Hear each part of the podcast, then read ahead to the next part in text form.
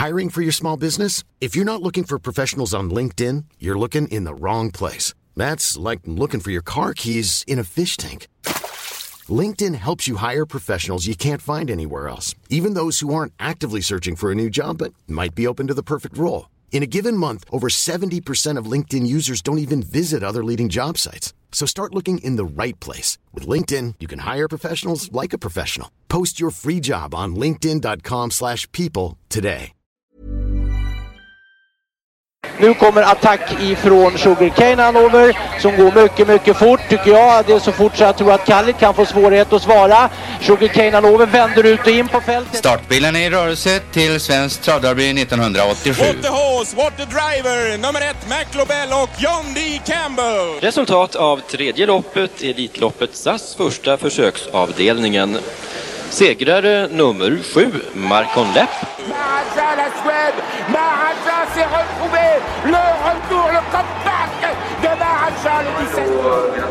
Jag trodde att det var en av de bästa hästar jag hade tränat för. Det tolkades på olika vis. Du behöver inte misstolka det längre, för det här är den bästa häst jag har kört och tränat någon gång. Barenne, me gusta, me gusta, me gusta! Un classico, no problem! Barenne, facile, alla me... Då var det tisdag igen och ja, som vanligt då ett av, nytt avsnitt av Tottosports podcast. Mitt i vintern här i januari-dimman. Det är bara att kämpa på. Har du dimma? Nej, det var fint där, men det känns ju som man går i en dimma. Ja, jag tittar just nu på en fullmåne. Ja, det är faktiskt sant. Jag har samma som du. Även i Stockholm alltså. Ja, Samma Men- måne kanske. Det känns så. Hur är det i Falun? Ja, jag höll på att säga, jag har suttit och jobbat hela dagen. Jag har inte tittat ut, men solen har faktiskt tittat in några gånger. Så att, eh, sen tänkte jag bara kolla om ni var ute som alla andra svenskar från norr till söder och såg det här norrskenet som var både, både fredag och lördag kväll. Nej, jag är trött på att bara höra om det. Det säger du bara för att du inte fick chansen att se det. Nej, jag, jag, jag missade det helt. Ja, ah. Ja, vi var ute och såg det faktiskt av en slump. Vi skulle fota Vintergatan, jag och, och sambon, men vi såg i någon app där att Vintergatan hade då förflyttat sig, eller om det är vi som förflyttar oss. I alla fall så att Vintergatan var rakt under oss på andra sidan jordklotet där och då sa sambon att men vi kan väl fota något ändå och då gick vi ut på en åker och då såg jag att det var något på himlen och sen blev vi kvar ute några timmar. Herregud. Men vi var inte ensamma för, när vi kom in och såg på, på sociala medier förstod vi att vi trodde vi hade sett något unikt men det hade vi inte gjort. Vad har då hänt i veckan? Det var ju fullkomligt eh, unikt på, på Solvalla förra onsdagen när eh, två inblandade i en mycket märklig, eller märklig, men, men i en incident i ett lopp där, eh, vad heter hästarna nu? Det, det är som följer V86. Ja, det är Mats Gunnarsson och Torbjörn Jansson. Ja just det, den här händelsen ja.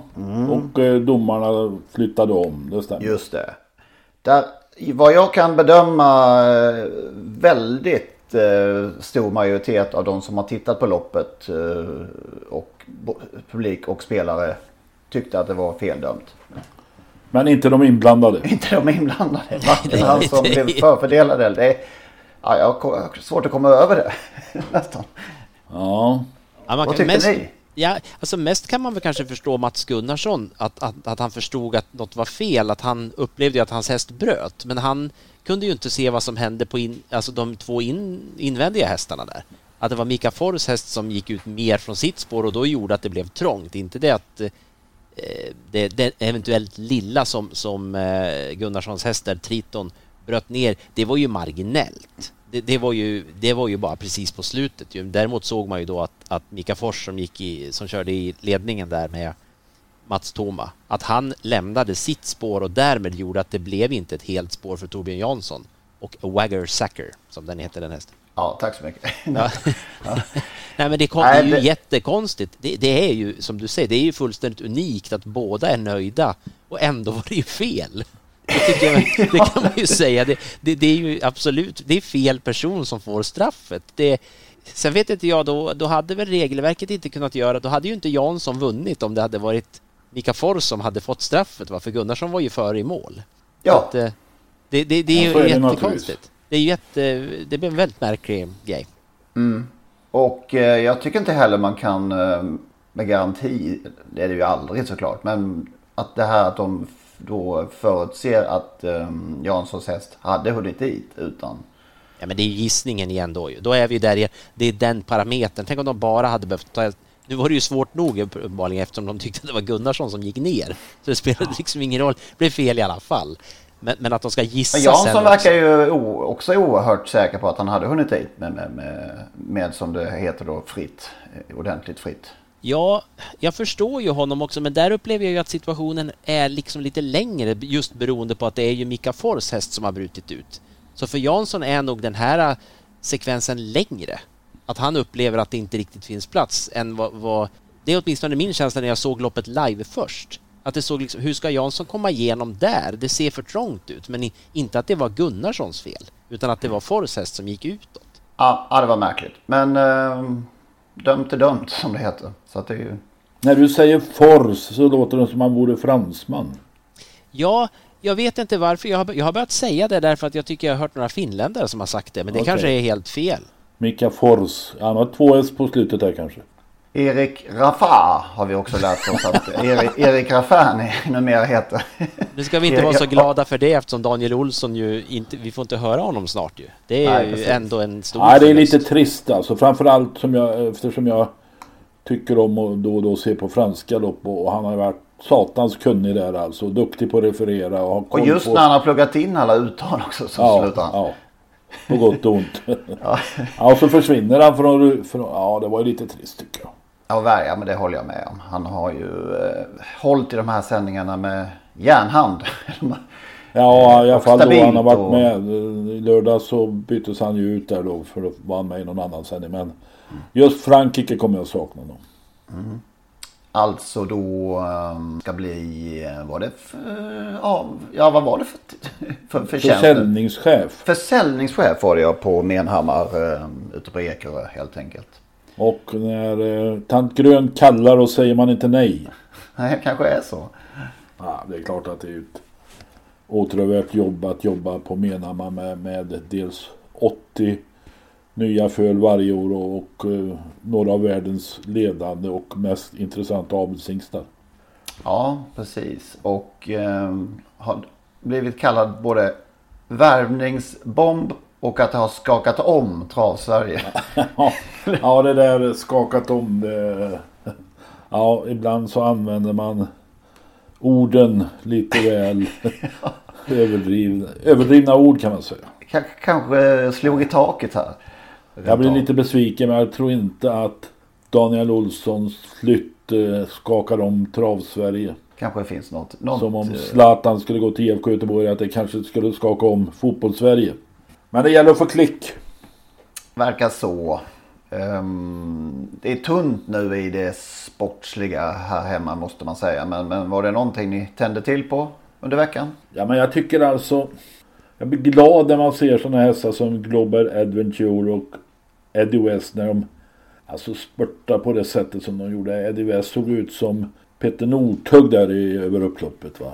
Bara sprinta förbi dem. Och Global Adventures spurt var ju också oerhört imponerande. Det var väl Milligan School inte som bäst kanske. Men eh, det är kul att se när de spurtar till seger från som Global Adventure i alla fall svåra lägen. Mm. Ja, det är alltid vackrare på något vis. När det ändå in, än att ramla undan från, från ledningen. Sen måste jag, på, eftersom ni har missat detta så, och jag hade också missat det i fredags men Daniel Wäjerstens pappa Ulf var vänlig nog att skicka ett meddelande att du har väl inte missat att titta på Lysjö Kasper. Kristina Larssons läckra kallblod. Som vann på nytt Färjestad ja. fredags. När fan får vi se Lysjö Kasper på V75 undrar jag. Den kunde ju varit med i Färjestad nu på Färjestad nu på lördag. Men äh, jag vill se Lysjö Kasper i V75. Hon får inte köra V75 va? Eller är det därför som hon... Varför får hon inte det? Har hon kört tillräckligt många lopp? Ja det vet jag inte vad som... Nej det kanske hon inte får. Men hon har någon... Nej då, nu, nu, nu höftade jag bara lite. Men, ja men det, det kan, gör kan du vara då och då. Ja.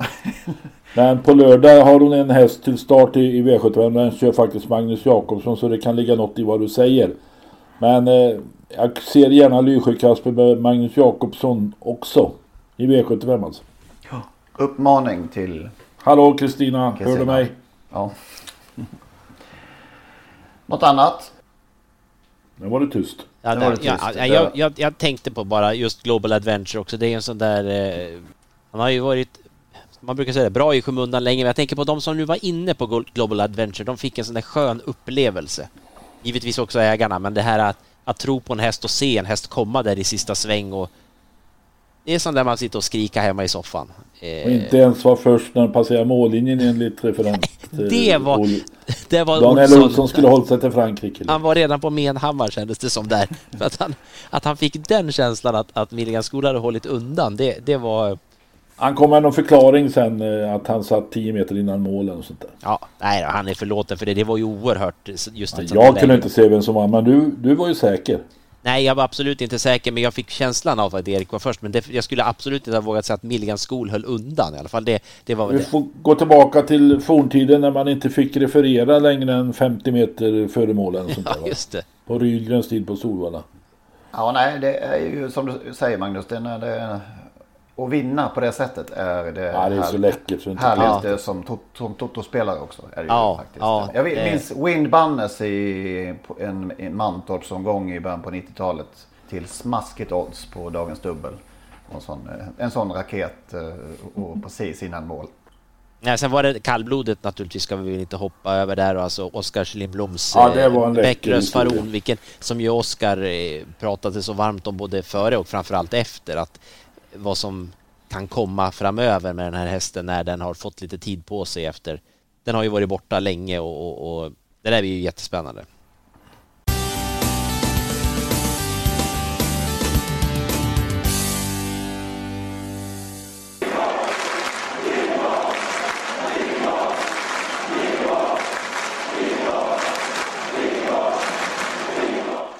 Blev ju faktiskt lite eh, upprymt efter vårt senaste avsnitt som ju behandlade mycket av, ja, stor del av det var ju Stig och Johansson helt enkelt. Det gillade eh, folk. Kanske Ja, inte helt verkligen. oväntat. Vi, vi som hade sugit på den här karamellen ganska länge att göra något sånt här men i- inte trodde åtminstone jag att det skulle bli så, så uppskattat som det blev. Det var ju faktiskt Nej. jättekul. Faktiskt. Vi har fått in fler hästar, hästnamn såklart och... och ehm, Hade du missat någon? Då? ja, någon, någon, någon, var, någon, någon liten hade Låt vi. höra. Ja, jag har en jättelista men den har vi nästan inte tid med. Men några exempel. Anders Crown. Ja, det nämnde vi inte. Det var ju faktiskt en stjärna. Jag tror att det var samtida med Narkosa kom. I början på 90-talet där. Att de eh, stafettväxlade lite där. Som ägdes av Björn Nordstrand. Just det. Var vi med i Ungästloppen där borta i USA. Jajamän. Som ungäst där. ja. Vann han något stort där eller hur var det? Det vågar jag inte svara på. Nej. Eh, batong missade vi. Det var väl lite... Åh, oh, kunde vi missa batong? Egen startmetod som mejlaren eh, Ja. uttryckte det. Batongstart. Gör en batongare. Det var alltså att släpa bakom in från innerspåret lite va? Och komma. Ja, i alla sport tror jag. Alltså var det det? Släppade nog. Ja, han ville inte vara framme vid vingen där. Nej okej, så var det kanske. Det kanske var i, i största allmänhet. Ja. Den kom väl från Bergsåker till Stigo. Mm. First Boy och Tim Cross. Ja. Mejlade, eller mejlade Kurt Gradling om. De eh, har jag inte hört talas om alls faktiskt. Var det inte First Boy Bert Nordmark vann Expressens rikschampionat Okej. med? Till jätteodds. Möjligt. Bert Nordmark vann, eh, jag tror det var First Boy. Tim Cross var väl trea i Nordiska femåringspriset eller något sånt där.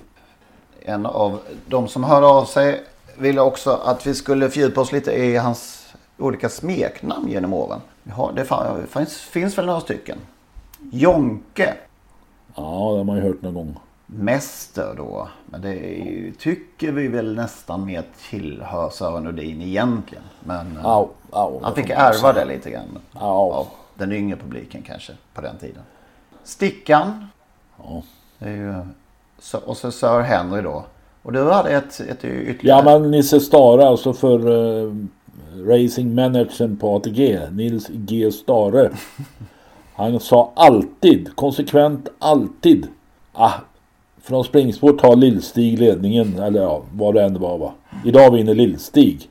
Han sa aldrig något annat än Lillstig. Och vad då kommer då Lillstig ifrån? Kan det vara så att, som du sa tidigare Magnus, att, eh, att Stig Engberg var Storstig och Lillstig var Lillstig? Så är det faktiskt. Det, det är faktiskt så. För jag googlar ja. nu och ser det. Det var ju en gissning från min sida men det var faktiskt så att eh, han tog ju, han vann ju sitt första lopp med Sabrina 1963. Kallades då Lillstig eftersom han var lärling hos just Stig Engberg. Så så var det. Stare kan sin historia. Eller travhistorien ska man säga. Ja. Kommer vi på något mer? Johansson var det mycket också. Ja, bara Johansson. Liksom. Ja. Ja, det, det, är rätt respektfullt. Och Sir Henry var väl som vi sa Björn Linder som lanserade. Mm. Finns det fler så får ni mejla på podcast.autosport.gmail.com. Oj. Och nya hästnamn också.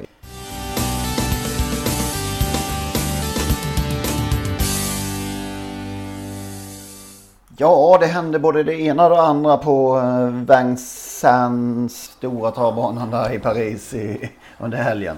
Jag vet inte var man ska börja och sluta riktigt. Ja, man, man, man kan ju börja när man skulle sätta sig och se på Prix de Belgique så sprang det en el, eh, ilsken totospelare omkring på banan som de inte lyckades få tag i. Man kan nästan jämföra med den här Guelpa-hästen som eh, kom lös för några år sedan där eh, när starten skulle gå. Och de fick jaga den där hästen varv efter varv efter varv och till slut så fick väl då Guel Passeni tag i den när han stod på, på någon bil de körde runt med. Och det var ungefär nu också. En kis sprang runt, en fransos sprang runt och var förbannad på ett, ett totoresultat två lopp innan. Och de hade fullt upp, han var vältränad uppenbart. Och han hade, vad heter det, sånt här för munnen, munskydd. Just det. Men vakten, ja, vakterna fick inte tag i. De fick vänta väldigt länge. Han trivdes på kolstybben den där killen. Ja, det var en kolstybsgubbe. Ja. Och eh, om ni inte har uppmärksammat varför han betedde sig så här, så här så var det alltså en häst som kom loss invändigt på, i lopp två då och eh, hade varit utanför pinnarna. Och det brukar de ju vara normalt sett hårda med på att döma efter på Vincennes. Ja det vet ju Joakim Lövgren inte minst. Ja för att uttrycka det milt så brukar de vara hårda. Det var ju ja, Lövgren vid det tillfället, det är några år sedan nu med Racing Mange. Han var ju, ja det var ju så minimalt. Han var utanför en pinne. Jag tror inte Lövgren har startat på Vincennes sen där. Han tappade nog lite sugen där tror jag. Så nej det har han inte. Och nu var det något, något liknande. Lite mer får vi nog säga. Ett par pinnar minst. Och då friade de då och eh, omständigheten eh, är ju också att den, hästen ägs av fransk travsports ordförande. Barjon. Var ju lite pikant i eh, och det var, bidrog nog till hans, eh, den här totospelarens attack. det som hände sen var ju att Frank Ovry som körde en Jarmoniskan, en häst danskägd i ledning bröt ut och sen hävdar då domarna att han var i kontakt med eh, vinnaren som kom på insidan och knuffade ner honom innanför pinnarna då. Eller utanför heter det kanske. Mm. Och han fick nog två dagars avstängning om jag minns rätt. Franco Vri. Men eh, jag förstår den där eh, kisen som sprang runt. Han, han var förbannad och eh, det har hänt oss alla utan att vi för den skull har rusat in på banan. Mm. Nej men det är klart att det var, det var ju extra intressant med tanke på vem som då ägde vinnaren av loppet. Det är klart att det, det gjorde sitt till.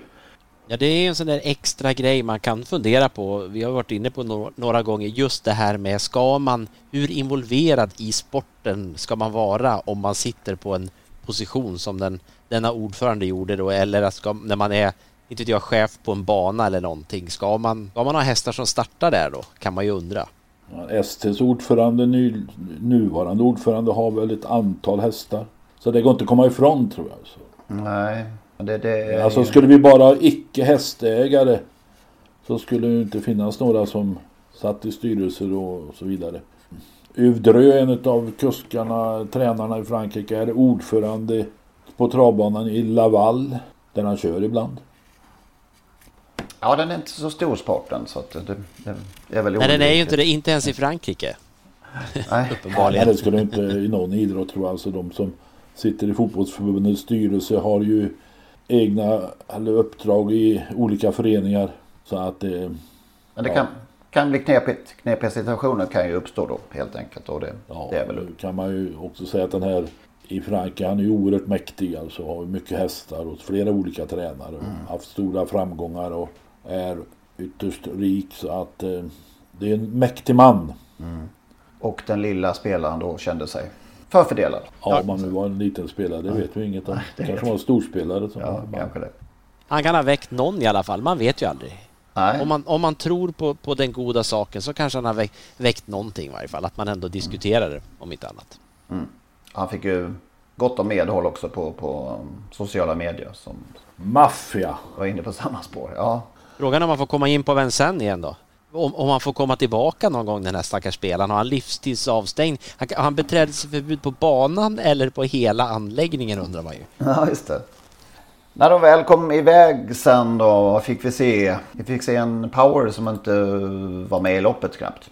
Nej, ja, han kom ju lite på slutet faktiskt. Eh, ganska bra men han eh, vill ju inte, Han brukar vara startsnabb och Berg brukar vara startsnabb men eh, han såg ju dålig ut före i provstarterna. Såg inte alls bra ut då och eh, hade väl svårt att öppna där. Han såg knackig ut första i alla fall 5 6 700 meter men sen flöt det väl bättre och spurten var väl helt okej. Okay. Ja, det får man ju säga. Det blev bättre och bättre intrycket ju eftersom han ändå, som du säger, gick ju gott till slut då. Men innan dess var det inte mycket. Det kan man inte säga. Men loppet, vi fick ju på nytt se en fasansfull upplevelse då med det här spödrivningen på, på den som var först till strax för mål, Davidson DuPont. Med, med Basil, sonen Nikola. Uh, det var ju hemskt att se. Alltså, alltså helt o, ofattbart. Det var tidigt och bara satt, det var som, jag vet inte, vi eh, man minns ju Davidson DuPonts beteende förra året några gånger. Jag vet inte om, om det var någon slags sånt där trist sätt att försöka uppfostra en häst som, som redan har gjort så mycket nytta och, och gott ändå. Nej, men det var, det kan man inte tro. Nej, men man vet inte. Det var ju, det var ju så obegripligt. Hästen han var, var väl, alltså ja. han var på väg mot sitt livs, unga livs hittills största seger. Men det är ofattbart för att om man är lite klar så behöver man inte driva alls för pappa kör inte förbi honom. Skulle jag inte tro. För det var ju pappa Basir som vann loppet.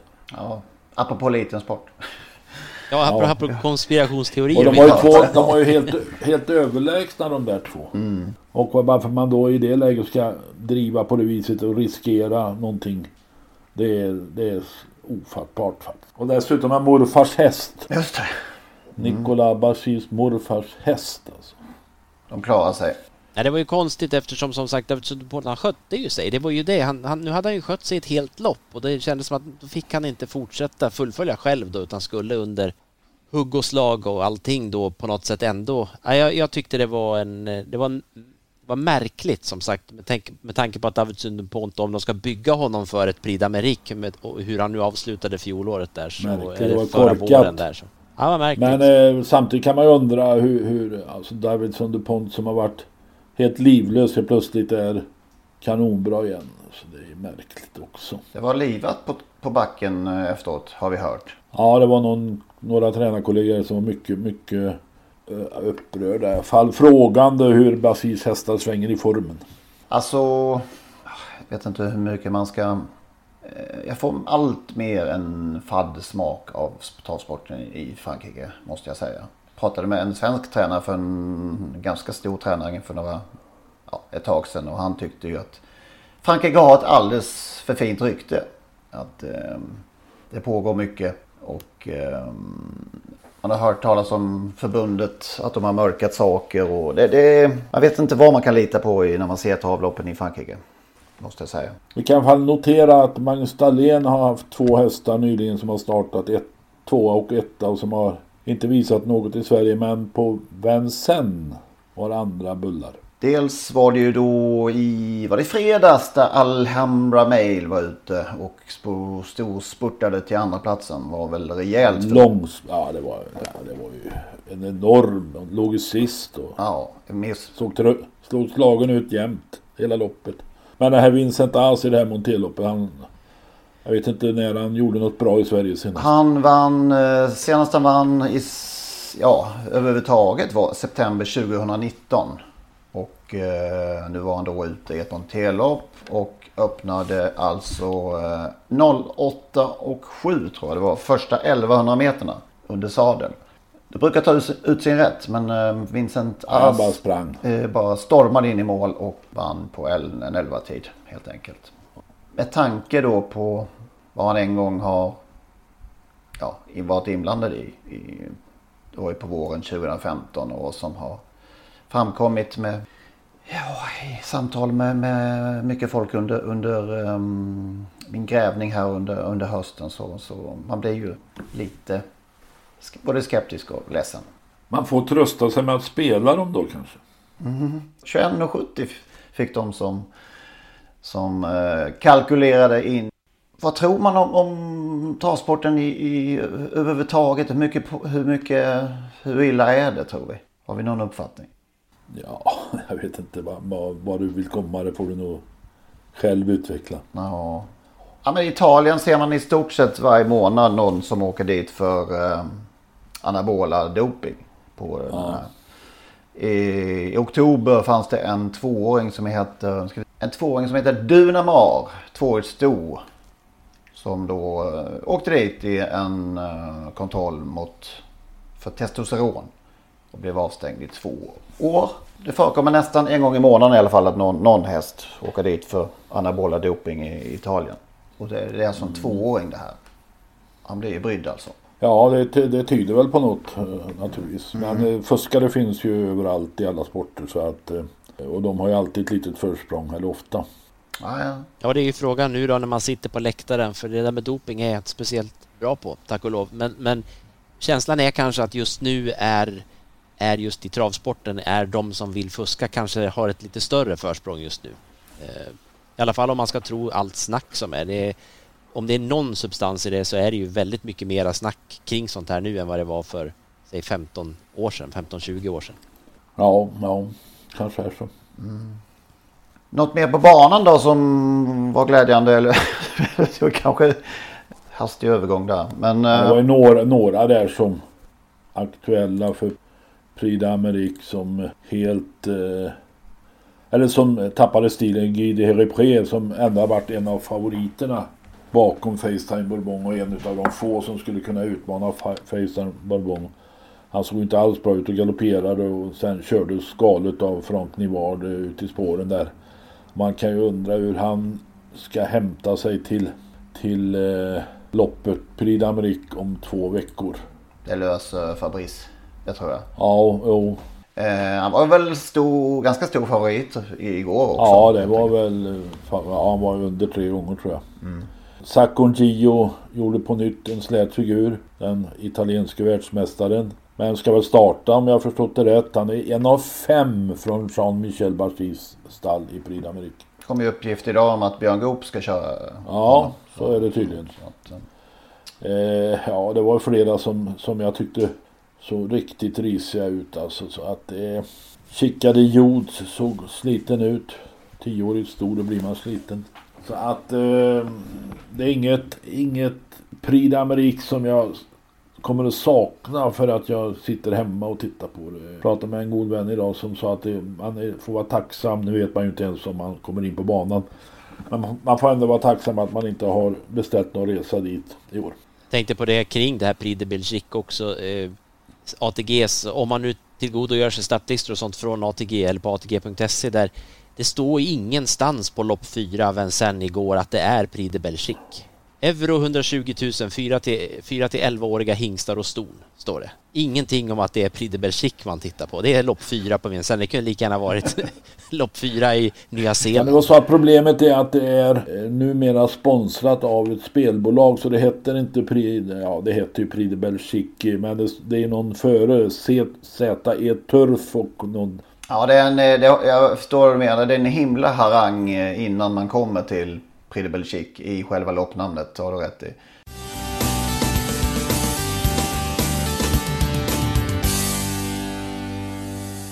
Ja, men på tal om den här protesten i eh, söndags på Vincennes så eh, ja, det har förekommit några, några gånger i, i, den svenska historien att det har inträffat sådana typ liknande händelser. Att folk har stormat banan. Stormat banan eller... Det är inte aktuellt i dagens travsport eftersom det inte är något folk på travbanan. Nej. Eller då måldomartorn vid något tillfälle va? Ja då. Ja. Var vill du börja? Ja, Axvalla där 1959 var ju... Det var ju ett märkligt lopp. Axvalla löpning. Där eh, Inventor blev slutsegrare utan att vara först i mål i något av de tre hiten. Tror vi har tagit upp det här innan men det är värt, Ja. att, värt att upprepa. Flod Bonita Olle Lindblom vann det första men blev diskad för orent trav som man kunde göra på den tiden. Inventor var två i mål och fick segern. I det andra heatet vann Flor Bonita och eh, Inventor var tvåa. Och då blev det skiljehit. Och då vann Flor Bonita eh, före Inventor. Men Bengt Nilsson, kniven, lämnade in protest Inventors tränare och kusk. Som gick igenom för att Olle Lindblom hade stört honom på upploppet. Grovt till och med. Så att eh, Flor Bonita blev diskad och Inventor fick segern. Och det här gjorde ju folk ytterligt upprörda och, och eh, om inte stormiga ord kanske stormare kanske man inte kan säga. Men eh, ville ha ett snack med domarna. Och hur förlöpte det? Ja, de ändrade inte på resultatet. Nej. Och jag, vill inte, jag, jag var inte där. Nej. Det var 59. Ja. Men eh, året efter hände något liknande på, på eh, i Årgäng där V5 var ju ganska nytt och sista avdelningen så lyckades Bengt Andersson med Max Iran eh, ta hand om, störa Lady Moon i starten, storfavoriten Lady Moon. Då blev det omstart men det var likadant i andra eh, försöket då. Störde igen men då släppte de. Lady Moon. Jag gissar att den kördes av Johannes Johansson som var pappa till Bernt Johansson som var en av de största talanger vi haft i svensk travsport. Men som körde ihjäl sig tidigt. Och det blev alltså en fullständig kakafoni av- protester eh, högljutt och till slut rusade folk in på banan. Det visade sig att ingen fick V5 eh, men avsikten måste varit att få bort storfavoriten för att ta hand om V5-potten. Eh, jag ser en bild framför mig där folk står utanför måldomartornet. 30, 20 personer kanske. För att prata förstånd med eh, Björn Persson som står i dörren där. Björn Persson var sekreterare. På den tiden hette sportchefsekreterare. Eller om han bara var vanlig tjänsteman på den tiden. I dörröppningen försöker lugna ner pöbeln. Nej, så får man inte säga. Jo. Men eh, det, blev, det blev faktiskt eh, att de här högljudda protestanterna de blockerade totoluckorna inför nästa lopp. Och eh, kanske inte alla men omsättningen i nästa lopp sjönk rejält jämfört med de övriga. Det var ändå en eh, snygg, en snygg åtgärd. Det, kan, det går ju inte längre att blockera totoluckorna för det finns ju inga. Nej, ja, den kan man inte döma ut helt faktiskt. måste jag säga. I juni 1981 hände det grejer i Det Skellefteå. blir ju modern tid Ja, precis. Um, Toivo Lu- Långström har skrivit här i, vad heter Toivo tidningen i, i Skellefteå? Jag vet inte om det är någon NSD eller kanske tillhör det. Det värsta publikprotesterna hittills i banans historia. Uppretade spelare stormade banan och krävde domarnas huvuden på fat. Oj. Så ja. I den femte V5-avdelningen diskades nummer 1 eh, Jolgant kort efter start för långa lopp. Men av misstag så hängde ju måldomarnämnden ut bricka nummer 3 som diskad. Som var sp eh, spelfavoriten som heter Artful Love. Så när 1500 meter av loppet återstår, återstår så tog kusken Mats Dannevall upp favoriten och utgick ur fältet. Då, allt enligt reglementet. Så att de, eh, de hängde ut fel skylt och eh, detta fick ju då ett gäng spelare också. Jag sitter också med en bild framför mig här och eh, där de står framför måldomartornet på inneplan. Publiken ville att loppet skulle stoppas och köras om. Eh, och Det gick till och med så långt att spelare hoppade över stängslet och sprang ut på banan för att stoppa loppet. Men de motades av banan innan hästarna kom in på upploppet. De var snabbare där i Skellefteå än i Paris. Ja, verkligen. Vakterna. Ja, och efter loppet stormade då de, eh, ja, de uppretade spelarna, eh, även då måldomartornet här. Så att, eh, ja. Jag minns nu, nu kom jag på en sak. Jag har sett en kusk springa rakt över banan upp i måldomartornet och protestera mot att hans häst som heter Jubal, som senare gick till Bert Johansson, det blev en segermaskin. Jubal travade dåligt och, och hängdes då och då för orent trav. Göte Östlund var tränaren som senare flyttade till Jägersro. Han rusade in över inneplan, upp i tornet och man såg från publikplatsen när han slog körspurt i måldomarnämndens bord. Var riktigt, han kunde bli arg den gode Göte. Jag har ju en liknande med allas vår Anders Linkvist också. eh, Som väl gick upp och, ja vad ska vi kalla det för, strejkade i måldomartornet va? Ja just det, det gjorde han. Eh, Nu minns jag inte riktigt eh, vilket sammanhang det var. Det var väl början av hans karriär på någon Norrlandsbana där. Apropå att hänga ut fel eh, eh, häst så diskar de ju fel hästar i, i eh, Storchampionatet en gång i tiden när eh, Nathalie och Leif Berggren var först i mål och, och eh, det visade sig då att den var diskad men de hade tagit fel skylt så att Erva Scout Olle Lindqvist fick segern. Det var lite värre än det här Skellefteå-missödet. Ett mer vanligt, mer vanligt lopp. Blev av med segern i Storchampionatet på ett klumpigt eller helt felaktigt sätt. Det är klart att det var, det var tufft. Ja, det låter ju helt... Ja. ja. Är det någon som känner till någon ytterligare sån här eh, incident eller händelse så, som vi har missat så får ni gärna höra av er.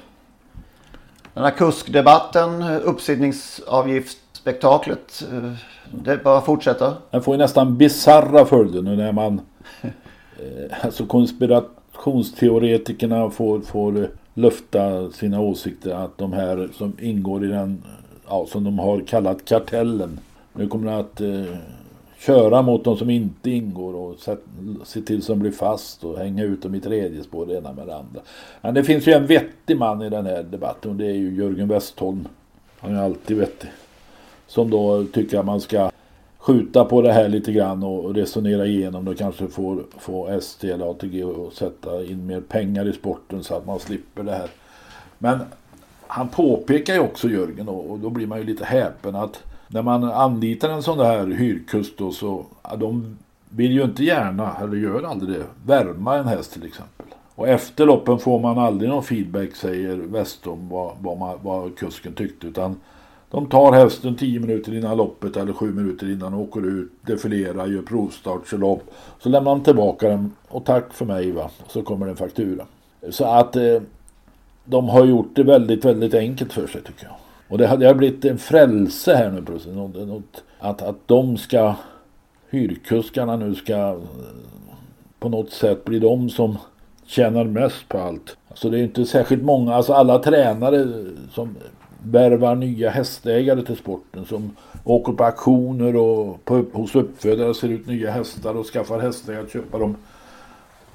De lägger ner ett satans jobb medan kuskarna bara kommer till loppen och kör och så kan de fakturera 500 kronor eller 100 000. Är det inte märkligt? Jo, det är ju som vi var inne på förra veckan. Jag tycker att det är jättemärkligt. De har ju i och med den här eh, diskussionen som de själva har dragit igång så har de ju faktiskt eh, de har blottat de har sig. in till strid lite ja, men de grann. Har blottat sig. till att bli kritik. Magnus. Ja, exakt. Helt rätt. Tack. Det, de måste nog vara beredda på att få ganska mycket kritik framöver här nu. Just det här, precis det som, som Jörgen säger och som andra också har påpekat är att de inte vill värma hästar och, och så vidare. Det, och i en tid som ja, vi var inne på förra veckan där med med skötar, en diskussion kring att skötare, det är svårt att hitta skötare i de professionella travstallen. Det fattas folk, det är svårt att locka folk till sporten. Det, det finns ju folk som skulle kunna köra de här hästarna om nu de här kuskarna inte tycker att de vill köra dem. Nog finns det kuskar. Det, det är ju inte ett problem att vi inte har kuskar. Det, det vidhåller jag fortfarande. Det är inte att förringa de här hyrkuskarna på något sätt, men de gör sig mer svårersättliga än vad de faktiskt är. Adrian Collini sa ju något klokt också i någon intervju att, att eh, man behöver inte åka och köra på alla banor. Alltså man, om man nu har tre, fyra uppsittningar med dåliga hästar då kan man ju säga att jag avstår att åka dit och inte, så att man inte kan anmäla just den kusken. Men de ska ju vara på alla banor som finns. Gärna två om dagen. Ja, och det är ju en debatt i sig det också, kan man ju tycka. Ja, jag, jag, tror de har motat in sig själva i ett hörn här nu lite grann. Det tror jag också.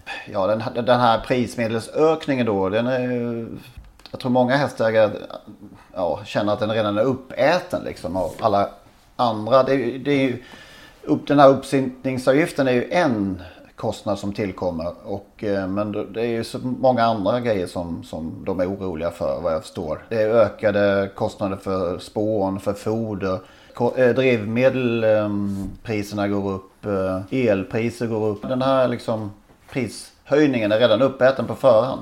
Och så kommer då även den här kuskavgiften då. Ja, att äga travhäst har ju, har ju inte varit, luk, det är inte lukrat, har inte varit lukrativt någon gång egentligen, men, men den här, det man räknar på, jag kommer inte ihåg en gång i tiden eh, när jag, när jag var liten och man fick höra att en, då tror jag att en häst skulle springa in 100 000 på ett år för att gå jämnt upp. Det, det gäller ju inte riktigt längre och, och sen tror jag Framförallt var det väl att, vad sa man, 10% av hästarna gick jämnt upp eller med vinst. Idag är, är ju inte den siffran så hög. Det, att vara hästägare har ju inte varit en dans för rosor på länge. Och precis som du säger, nu när det kommer lite nya medel och så, ja då kommer någon och säger att vi behöver tjäna mer. Vi som kör behöver tjäna mer.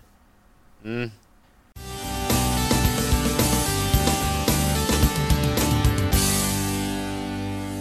Det körs ett anrikt lopp på lördag på Färjestads travbana.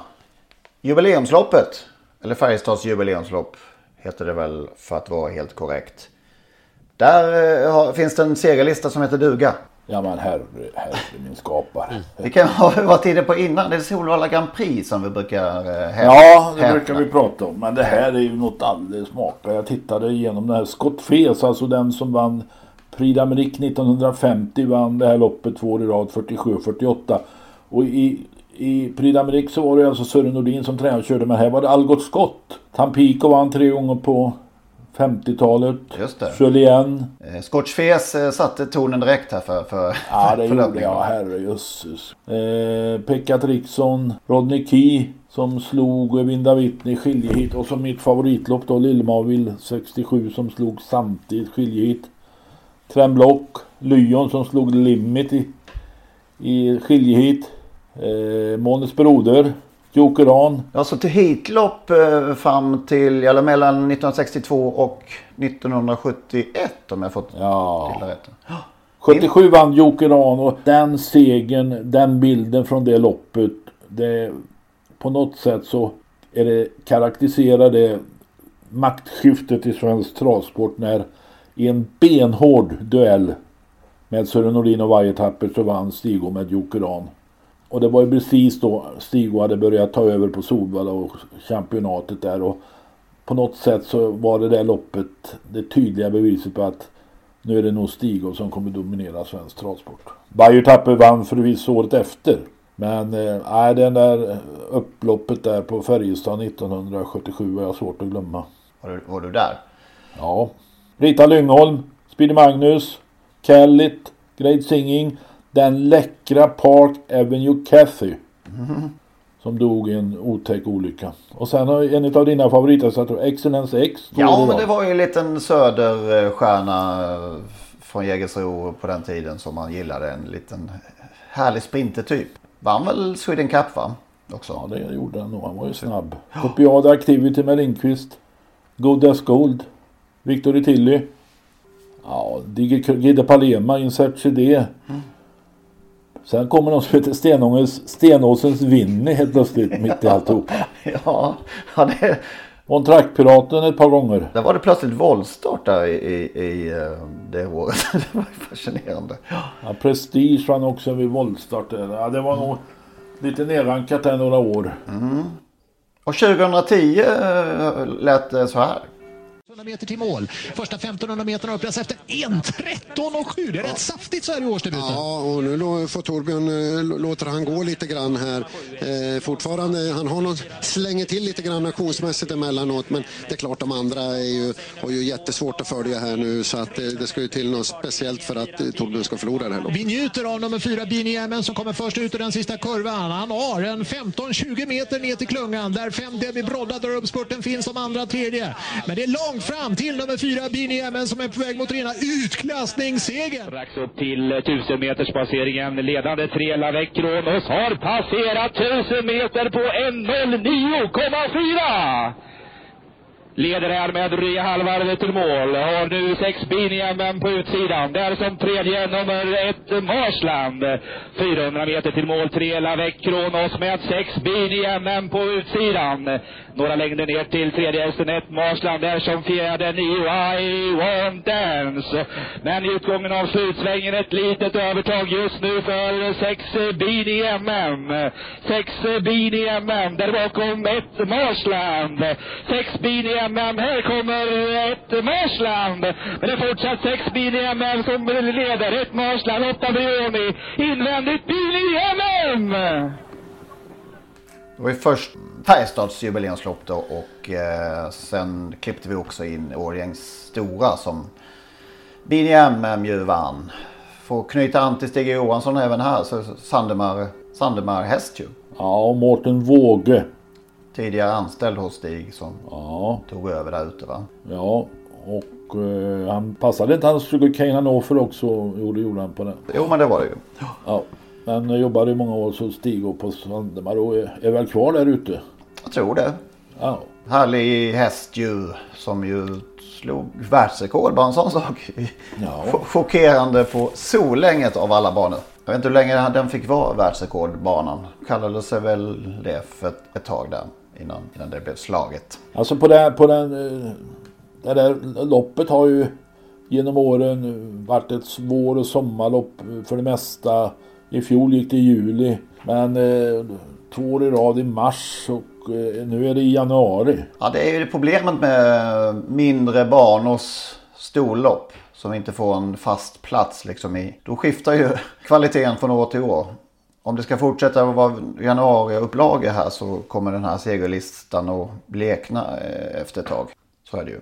Så det är synd att den inte, att den inte får leva vidare på det sättet som det borde kanske. Med tanke på hur fint och Det är alltid någon, som högklassigt det har varit. någon, någon bana som eh, tvingas flytta på sina största lopp som inte är då de här eh, ja, Sprintermästare, Storchampionat och allt vad det är va. Mm. Kungapokal, derby. Hittar du någon favorit Magnus? Nej, jag, jag, jag sitter här, jag har lite svårt att smälta det där med Sten Åsens Winnie faktiskt. Det, det bryter av och man undrar vad hände, vad hände där mellan 2006 och 2007? 1640 meter voltstart plötsligt. Den måste ha stått på start och det, förmodligen. Ja visst, och så var det tillägg. Ja precis, jag kollade upp det. Det var som tillägg vid eh, ja, x hundratusen kronor. Men just att man efter denna fantastiska rad av hästar så plötsligt bara vi, så tar man ett beslut bevisligen på att nu är inte det här samma lopp längre och, så blev vann Stenåsens Winnie. Och Kristina Medin tränade Stenåsens Winnie om jag minns rätt. Just det. Ska jag säga, säga någon, någon favorit där så, så, så dyker ju Abbey Ross upp. Eh, det, det förvandlingsnumret av Plåt-Sven eh, där som vann 1988. Det, det är ju en häst som man eh, som jag gärna skulle vilja se några lopp med faktiskt på, på film. Eh, jag har, vet inte om det finns några men hans säregna stil, speciella häst men som, som blev en, kom från ingenstans och blev en guldhäst. Han kom från ingenstans, han kom från Göte Östlund på Jägersro så han kom från någonstans. Och naturligtvis hittar vi Stig och Johansson hästar som vi inte har nämnt eh, i den här segerlistan. Pay Me Quick till exempel. Football. Ja visst. Ehm, de, ja, det finns hur många som helst som sagt. Ja, det är en hatt att ösa ur. Öser man ur en hatt förresten? Det gör man inte va? Ja, det beror- Plockar de ur en ja. hatt? Ösa ur ett... Eh, vad öser man ur? Ett... Eh, ett kar. Karg. Just det, ösa ett kar. Så är det ja. Man är kar för sin hatt alltså, är det därifrån det kom? Ja. Ja, och vi ska ta oss till Färjestad alltså på lördag. Eller vi ska väl inte det, men V75 ska. Och eh, det var ganska fin, lite roligare lopp den här veckan tyckte jag. Det var iskallt i lördags måste jag säga på i, i Gävle. Lite hyggliga lopp ändå va? Ja, det får man väl säga. Mm. Hur gör du med Four Guys Dream, Lennart? Ja, han tror man ju alltid på va? Bakifrån på Färjestad? Han brukar vara bäst bakifrån. Ja, men det beror ju på hur långt bakifrån kanske. Eller? Alltså det enda som möjligen skulle kunna ställa till det, det är ju om Meister Krav som faktiskt gick jättebra senast på medeldistans eh, kan tidigt få överta ledningen och eh, krossa dem på något sätt. Men eh, det mesta ta- talar väl ändå för att få Gaisin spurtar hem det där. Håller du med Magnus? Ja, alltså, Ja, det är nog, kanske, han, ja, han kanske är först att jag, just i det där loppet så, så tänker jag betala för Marcus Svedbergs Bariton Artist som, som ju skrällde näst senast eh, och senast så, så fick han ju chansen, om man ska säga chansen, men väldigt, väldigt sent och han är ju, har ju tokform och har ju faktiskt ganska bra kapacitet och jag kan inte låta bli att betala för honom. Om eh, Lucifer Lane ska vinna på någon bana så kanske det är på Färjestad. Ramla undan där. Jag har en känsla av att han inte kommer köra i ledning. Nej, det är, nog- det är nog så. Vad tycker ni om guld? Ja, Disco Volante kom ju ut igen då, vilket ju är fascinerande. Det, det var ju inget fel på honom senast, verkar de jag tyckte. då. jag tyckte ju inte alls att han såg något rolig ut. Han gick i och för sig bättre efter att ha felat bort sig i början då, så travade han ju bättre i loppet sen. Men, men han, det känns ju inte som att han vill. Men det... Tarzan har säkert mycket bättre koll på det. Men eh, jag tycker bara att det inte, han ser inte så sugen ut. Jag tror han tar ledningen eller att Johan A Nilsson släpper med Lucifer Lane. Så tar Disco Volante ledningen och så stannar Disco Volante 100 kvar och då får Johan A Nilsson skäll av Nybring för att han släppte ledningen. Skäll igen då, ja. Ja, nu får vi se, se om det scenariot infinner sig. Vi fick, vem vinner? Det är det Ja, som är frågan det. då. Om Johan blir fast, då vinner vem? Ja, är, frågan är ju var Bledegeres hamnar från innerspår. Det kommer ju hamna en bit bak naturligtvis. Och sen finns det ju inte så mycket. Det är ju tre hästar. Bledegeres, Lucifer Lane och Disco Volante. Och det kanske öppnar för en jätteskräll. Något i övriga lopp? Eh, Kallbrosloppet borde väl den här vinna som det hände något med i lördags. Lomestorm. Nu med Örjan. Han har kört Lomestorm en gång och vunnit. Nu när Kristina Larsson vägrade anmäla så... så, så. Ja, hon har ju Lysjövilda i och för sig. Ja, just det. Just det. Ja, man kan ju säga att Lomestorm fick ju en rejäl genomkörare i lördags. det så att, och Berg startar ju gärna tätt ibland, men det här, jag tycker ju det känns stentufft alltså. Att tappa åtminstone 40 meter och sen... Ja, det är ju ett kallblod. De står pall. Ja, de är hårda. Sen gillar, sen Men jag gillar tyckte det den där kändes tufft att se. Som... Han möter ju Queen Ratseputs där i avdelning 2 som var jättefint senast. Men Kalsia har ju en blixtrande speed. Ja, det är svårt så här i början av veckan. Ja, jag, kan, jag vill nämna i eh, V751 en, en skräll som jag tänker betala för och det är nummer två, Las Reveny eller Revenue. Det beror på vilken referent man lyssnar på. Eh, Mattias Djuse kör... Reveny är väl alltid reveny. Ja, jag tycker, jag tycker ju också det, men, men eh, Patrik Karlsson han kör Las Revenue. Han refererar många fler lopp än vad jag Patrik- gör. Så att Patrik det- Nilsson är det. Förlåt, Patrik Karlsson. Patrik Nilsson. Patrik Nilsson heter han naturligtvis. Eh, nej, men Las- Lasse Reveny går, eh, går ju bra varenda gång och han är ju oerhört startsnabb och nu är det 1600 meter så att ja, han tar ju ledningen och sen släpper han sannolikt, tror jag ju att han gör, men eh, Ja, jag har ju lucka till slut full, så. följt den Mm. här hästen i flera år. När vann han senast? Nej, det är ju så det är, men när han vinner är det ju oftast 1600 meter och eh, han, han går ju alltid bra. Så att det, det, det är ju en häst som, som, han ser ju inte jätterolig ut, men han, han eh, gör alltid sitt och fick ett bra läge nu så att eh, Men den här Bravo Sabotage, blir den, kommer den bli klar favorit igen tror vi? Ja, ja, ja. Eh, det är väl... Kanske inte rejält, men det är väl hårdare den här gången. Var det inte extremt Eh, billigt ja, lopp förra gången? jag vet inte var du hittar den. Nej, jag, Vilken skulle det vara? ja, det var, jag tyckte det var så extremt eh, klent eh, när han vann senast. Men eh, okej då. Då vinner den väl Ja, igen då. Nej, det vågar jag inte säga. Det, be, det behöver inte alls vara så. Men tyckte ändå det var hyggliga hästar. Rollercoaster Ås och Beethoven. Och, jag tycker inte det finns särskilt många bra hästar. Det skulle ju vara då eh, nummer fyra där. Kimi Di Cat Quattro. Och PD Ubu är väl hygglig också. Ja, det, strax. det, det är han ju faktiskt. På, på söndag är det, är det Prix de Cornelier för den som är intresserad. Just det. En, en svensk deltagare va? Två. Två. Jonik Juni är jag säker med. Och Serem Fast då. Ja. Som kommer vinna förmodligen. Ja men det är hur öppet som helst alltså. Det är fjolårsvinnare Bahia Kisno har ju inte gått något. Billy Bile har väl gjort sitt. Ja det där eh, Det var en skräll i fjol. Bahia Kisno det kan bli en skräll i år. Och så är vi som vanligt vill vi tacka för bidrag via Swish och eh, ett par nya pre- prenumeranter via Patreon. Det är vi väldigt tacksamma för. Så vill ni också bidra så går man in på trottosport.nu och letar upp fliken stötta Trottosport. Lyser månen fortfarande? Uh, alltså det, det är aldrig månen som ja, lyser. nu har den gömt sig bakom kyrktornet. Okej. Som har ringt här under tiden, under tiden va? Det har ni hört, inte jag. Nej, inte jag heller.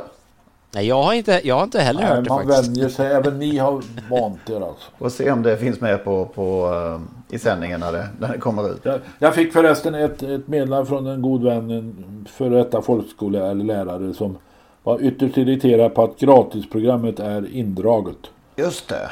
Han brukar använda det varje vecka. Han går och hämtar det i butiken och så sätter han sig och lyssnar på Untersteiners eh, hur de rankar hästarna i, i eh, någon sändning. Ett, och så noterar han vad de har. De, om 1 till 5 använder väl någon form av betygsskala. Och då vill han ha gratisprogrammet och notera detta i. Men det kan han inte få längre. Vi tackar för den här veckan. Ja, ha det gott! Hej! Hej! Hej då!